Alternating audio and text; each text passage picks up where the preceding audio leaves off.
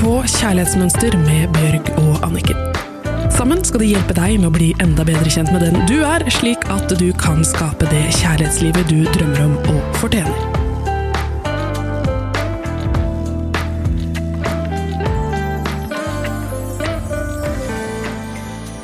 Velkommen til Kjærlighetsmønster med oss to som sitter her nå med et nytt leserbrev som eh, vi begge to ble rørt over, og som vi kjente at vi fikk veldig mange tanker da vi så. Så da bestemte vi oss for dette lesebrevet som du skal høre nå. Utgangspunktet for å skrive til dere er at jeg kjenner meg igjen i mye av det dere formidler i deres nydelige Tusen takk. Litt snikskryt der inne, ja. Podkast om kjærlighetsmønster. Det har fått meg til å reflektere over flere ting, og det er to ting jeg gjerne vil ta opp her. Ofte kjenner det som plagsomt når andre sier at de får dårlig samvittighet for noe i forhold til meg, og jeg lurer på hva jeg skal svare når jeg kjenner det sånn. Hvorfor er det plagsomt at andre legger sine ting på meg? Være seg dårlig samvittighet eller andre ting. Og jeg ser at det nok handler om at jeg trenger å lære meg å sette ord på den egentlige følelsen jeg har, og formidle hva jeg har behov for til de nære og kjære. Jeg syns jeg er veldig god på å sette grenser til alle som jeg ikke har et nært forhold til. Åh, dette er jo akkurat det vi snakker om hele tiden, som er så ufattelig viktig. Men kjæreste, ektefelle, barn og andre nære, så er det nok vanskelig for meg. Mitt gamle kjærlighetsmønster i ekteskapet var å bli sint eller sur når jeg egentlig var lei meg og såra. Og um, jeg vil bare si én ting, for jeg kommer til å glemme å si dette her, og dette er veldig viktig for meg at vi får sagt, at det å bli sint og sur når man egentlig blir lei seg, handler om at da du var barn, så var det ikke plass til de følelsene. Jeg er sikker på at når du falt og slo deg, så sa foreldrene dine æsj, det er ikke så farlig, opp og reis deg. Det var ikke sånn nei, stakkars deg, fikk du vondt på kneet ditt. Eller at du gråt, og så var det bare sånn gå på rommet ditt og kom tilbake når du er blid igjen. Sånn, det har jo ikke vært plass for henne å være lei seg og såret, men det har jo vært, sikkert vært litt mer plass for at hun kunne være sint. Eller det er den eneste følelsen som hun kan vise frem, og derfor så blir det den. Og det er jo så destruktivt i et forhold, og det blir jo så misforstått. Hvis du sier til partneren din 'Jeg blir så lei meg' når du sier det der, eller når du, du gjør det der, så skjønner jo partneren din hvor du kommer fra. Men når du bare svarer 'Din jævla dustblæ', da går man jo bare i forsvar, og så tar man propper i ørene og hører ikke hva den andre sier. Mm. Så bare det å klare å si 'jeg blir lei meg, og tørre å si de og, og, det er et lite sprang dit når man aldri har fått lov til å vise de følelsene Akkurat. som barn. Ok, jeg fortsetter å lese. Jeg tok med meg et umodent reaksjonsmønster inn i ekteskapet. Og da vil jeg bare si at kjære deg, det var overlevelsesstrategien din i barndommen mm. å ikke vise sårbarhet, fordi at du ble ikke møtt på det som barn. Og det er jo et eh, mønster som er veldig uhensiktsmessig nå i voksen alder og i et ekteskap. Men bare ikke ha dårlig samvittighet for det, og ikke klandre deg selv, for det var ikke du som skapte det mønsteret i deg til å mm. begynne med. Men hun skriver videre at hun hadde et umodent reaksjonsmønster inn i ekteskapet hvor jeg ikke klarte å sette ord på når jeg ble såret og hva det handlet om, uten å bli sint. Det er jo også forståelig når man ikke vet om noe annet og bedre å gjøre. Nei, det gjorde du ikke. Det er ca. 20 år siden jeg brøt ut av ekteskapet, etter at vi hadde vært sammen i mange år. Jeg så heldigvis at vi var to utrygge og sårbare sjeler som ikke klarte å spille hverandre gode. Men det er så trist! For hvis de Dette her tenker jeg, da. Hvis de hadde fått hjelp, så kan jo to utrygge og sårbare sjeler få det helt fantastisk sammen. Det blir jo så nært når du sitter sammen og bare jeg er lei meg for ditt, og, og, og, når du gjør sånn, så blir jeg lei meg. Så svarer den andre ja, jeg blir faktisk også lei meg av det, og Men jeg vil jo ikke at du skal være lei deg. Altså finne ting sammen. Det, da blir, det blir den nærheten. Jo, det, men når begge er i barnet sitt, så er det jo ingen voksen der til å ta tak i det og se at her er vi jo to sårbare, må mm. vi bare komme oss ut av det sammen. Når begge to har barn, da står man jo som hun beskriver, som to sårbare sjeler som ikke klarer å spille hverandre gode. For det er to voksne barn. Men jeg tenker hvis ja men tenker ikke du at hvis det er noen som hører på nå, som er i et sånt forhold hvor det er to voksne barn, hvor eh, eh, de ikke har tatt tak i de mønstrene de har fra barndommen, og endret det til å bli voksne voksne. Tenker ikke du at det går jo an at de to kan gå i terapi sammen og bli voksne voksne sammen? Absolutt. tenker Det må jo være en veldig vakker reise hvis man fortsatt elske hverandre. Absolutt. Men da må jo en være voksen nok til å se det i den situasjonen. At vi trenger noe hjelp her, og vi vet hvor vi kan gå for å få hjelp. Men hvis man bare er i det gamle mønsteret i det barnet, så er man jo hjelpeløs. For det var man jo den gangen også. Så det er jo det som er så viktig å vite. Når er vi i barnet vårt? Når vi reagerer på ting, og når er vi voksne? Så, sånn som hun sier at vi klarte ikke å spille hverandre gode, men så sier hun jo at hun tok sitt ansvar i det. Hun skriver det. Ja, men jeg tenker at eh, det å spille hverandre gode, det er når man hører på denne podkasten her, og tenker jeg har noe å lære i mitt kjærlighetsmønster, og så skjønne at Sånn som jeg har jo hatt mange hundre timer med terapi, det trenger ikke alle andre, men, eh, men jeg føler at for hver eneste terapitime så har jeg hatt en skikkelig aha-opplevelse. Og også det å lese bøker om det, eller um, og lytte til podkaster eller hva som helst, Mm. så, så kommer man videre sånn at jeg opplever i hvert fall at jeg lærer og kommer ett steg videre og blir en veldig god voksen voksen i et forhold. Jeg tenker jo, jeg er helt enig med deg, jeg tenker jo at det er en utvikling man skal, kan holde på med hele livet.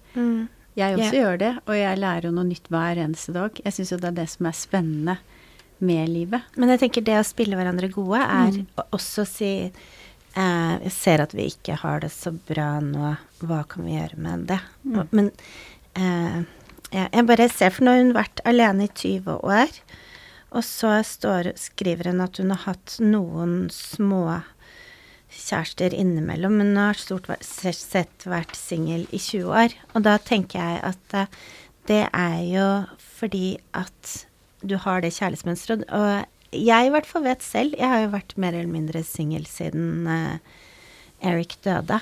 Og, Og og det er det nå? 15 år siden. Mm. Og jeg har vært mer eller mindre Og det er jo fordi at jeg har vært så redd for kjærligheten, vært så redd for å bli såret.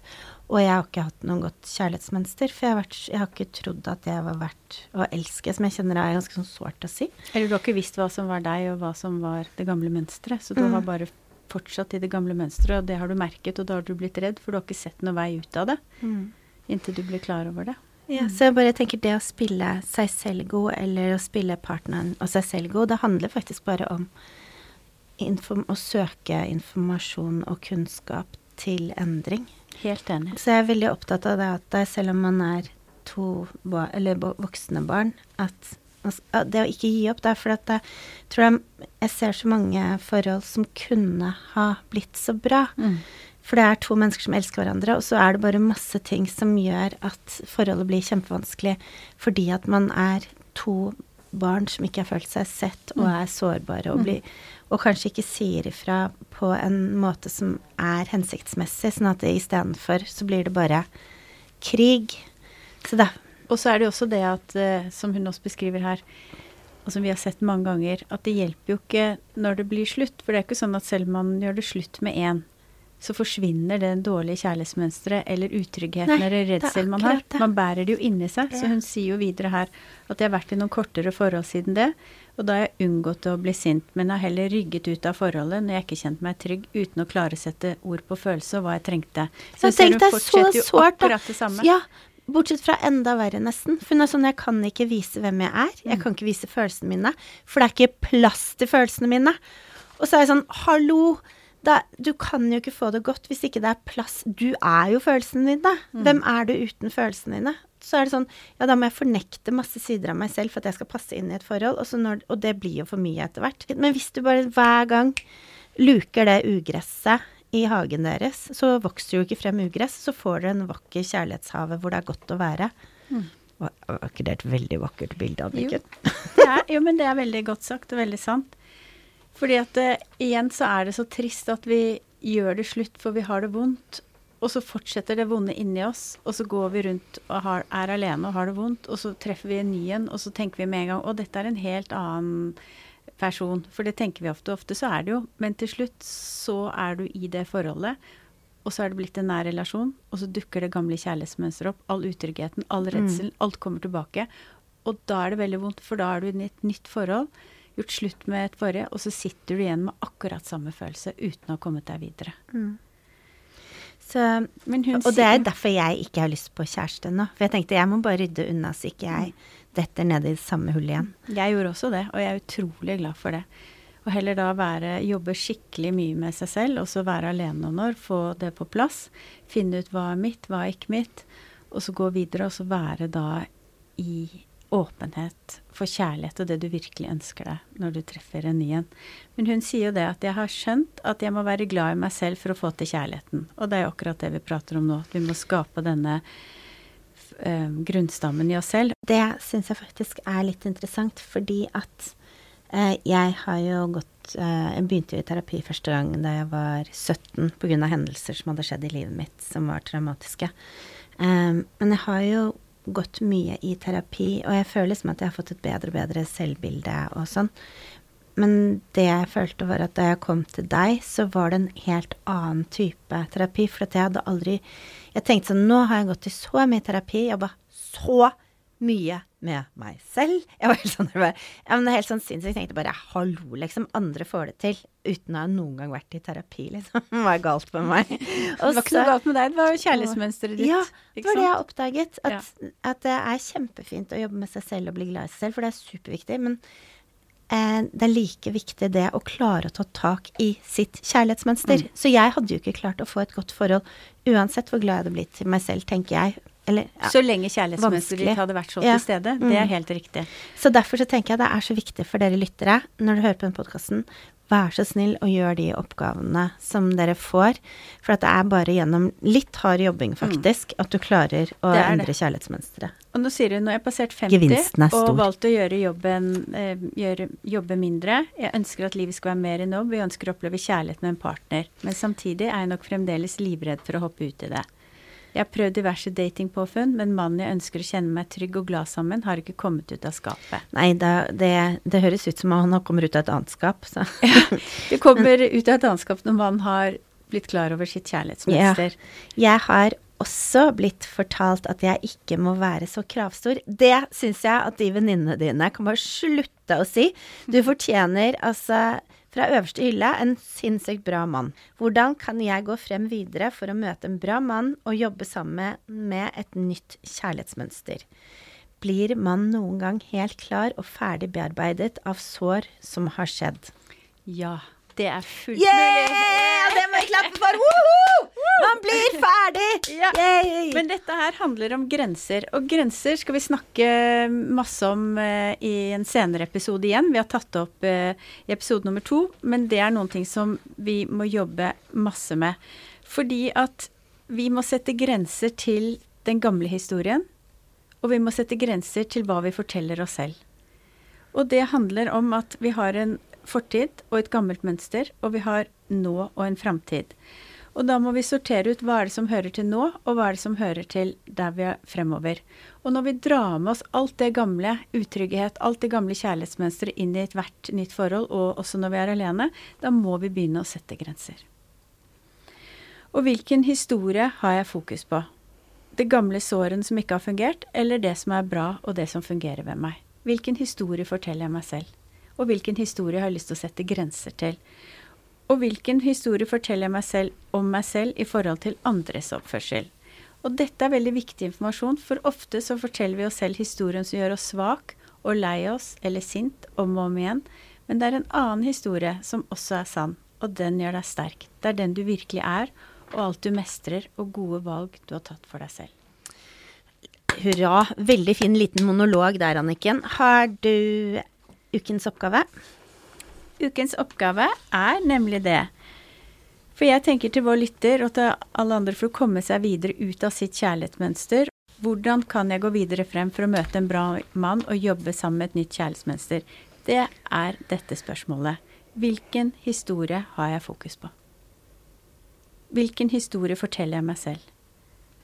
Du må utdype det litt mer. Folk er sånn eh, Nei, jeg forteller meg selv Rødhette og ulven. Det er det at Hva er det jeg ønsker meg? Og hvordan er det jeg reagerer når jeg får det? Er det de gamle sårene som har, ikke har fungert? Eller er det det som er bra, og som fungerer? Mener du at de skal fortelle sin historie, sin kjærlighetshistorie? Sin kjærlighetsmønsterhistorie, er det den historien du snakker om? Nei, jeg tenker på når man tenker på kjærlighet, så tenker man Hun spør sant, om man fortjener det. Kommer jeg til å, å, oppleve det? Hvilken historie er det du forteller deg da? Det er jo den gamle historien. så da du tenker du at hennes nye historie er min historie er. Det har vært tungt og vanskelig fordi at jeg ikke har møtt meg selv på mine følelser. Men og, hvis jeg jobber nå hardt med det her og blir bevisst mm, Så klarer jeg å sette grenser. Ja. Og så klarer jeg å se min verdi. Ja. Og jeg har lov til å vise hele meg. Mm. Og jeg fortjener en prins. Er det hennes historie? Ja eller en prins, eller Jeg er mer for handyman, da. Jeg, jeg, trenger elektriker. og, den, og, den, historien, den gjør henne jo mye mer glad. Den gjør oss alle mye mer glad. Mm. Og den er jo mm. like sann som den gamle. Det kommer jo an på bare hvor du har fokus. Så hun kunne ha sagt eh, jeg har et bedriten kjærlighetsliv, jeg, ikke, jeg fikk ikke til ekteskapet mitt, jeg har vært mer eller mindre singel i 20 år. Og folk sier at jeg er for kravstor, jeg fortjener sikkert bare noe dritt, og alt kommer bare til å gjenta seg. Mm, det er én historie. Ja. Så det handler faktisk om å fortelle suksesshistorien om seg selv. Som også er sann. Mm. Som er like sann. Yeah. Så hva velger du å gå og tenke på, hva mm. velger du å tro på? Hvilken historie velger du å gjøre sann? For yeah. det som skjer, er at når hun Akkurat. da sier det til seg selv yeah. 'Jeg fortjener en skikkelig bra fyr som mm. ser hele meg, hvor det er plass til hele meg, og alle mine følelser'. Mm. Det har vært vanskelig, men nå har jeg tatt tak i det, og nå lærer jeg. Dette her kommer til å bli så bra. Mm. Hvilken det, historie velger du å fortelle deg selv? Dette her var egentlig en veldig fin oppgave. Ja. Så skriv historien din sånn som du vil at den skal være, og hvordan du vil at utfallet skal bli. Ja, og vær observant hver dag på hvilken historie du forteller deg selv, og hvilken historie du velger å fortelle deg selv. Mm. For det du tenker om deg selv, det er det som skjer. Det er nesten litt skummelt. Så da vil vi ta Men også fint, for det kommer jo bare an på hvilken historie. Ja, det er veldig sant. Så derfor er det skummelt hvis du ikke er bevisst på hvilken historie du forteller deg selv. Ja. Det var veldig bra å få avklart rett før vi sier takk for oss.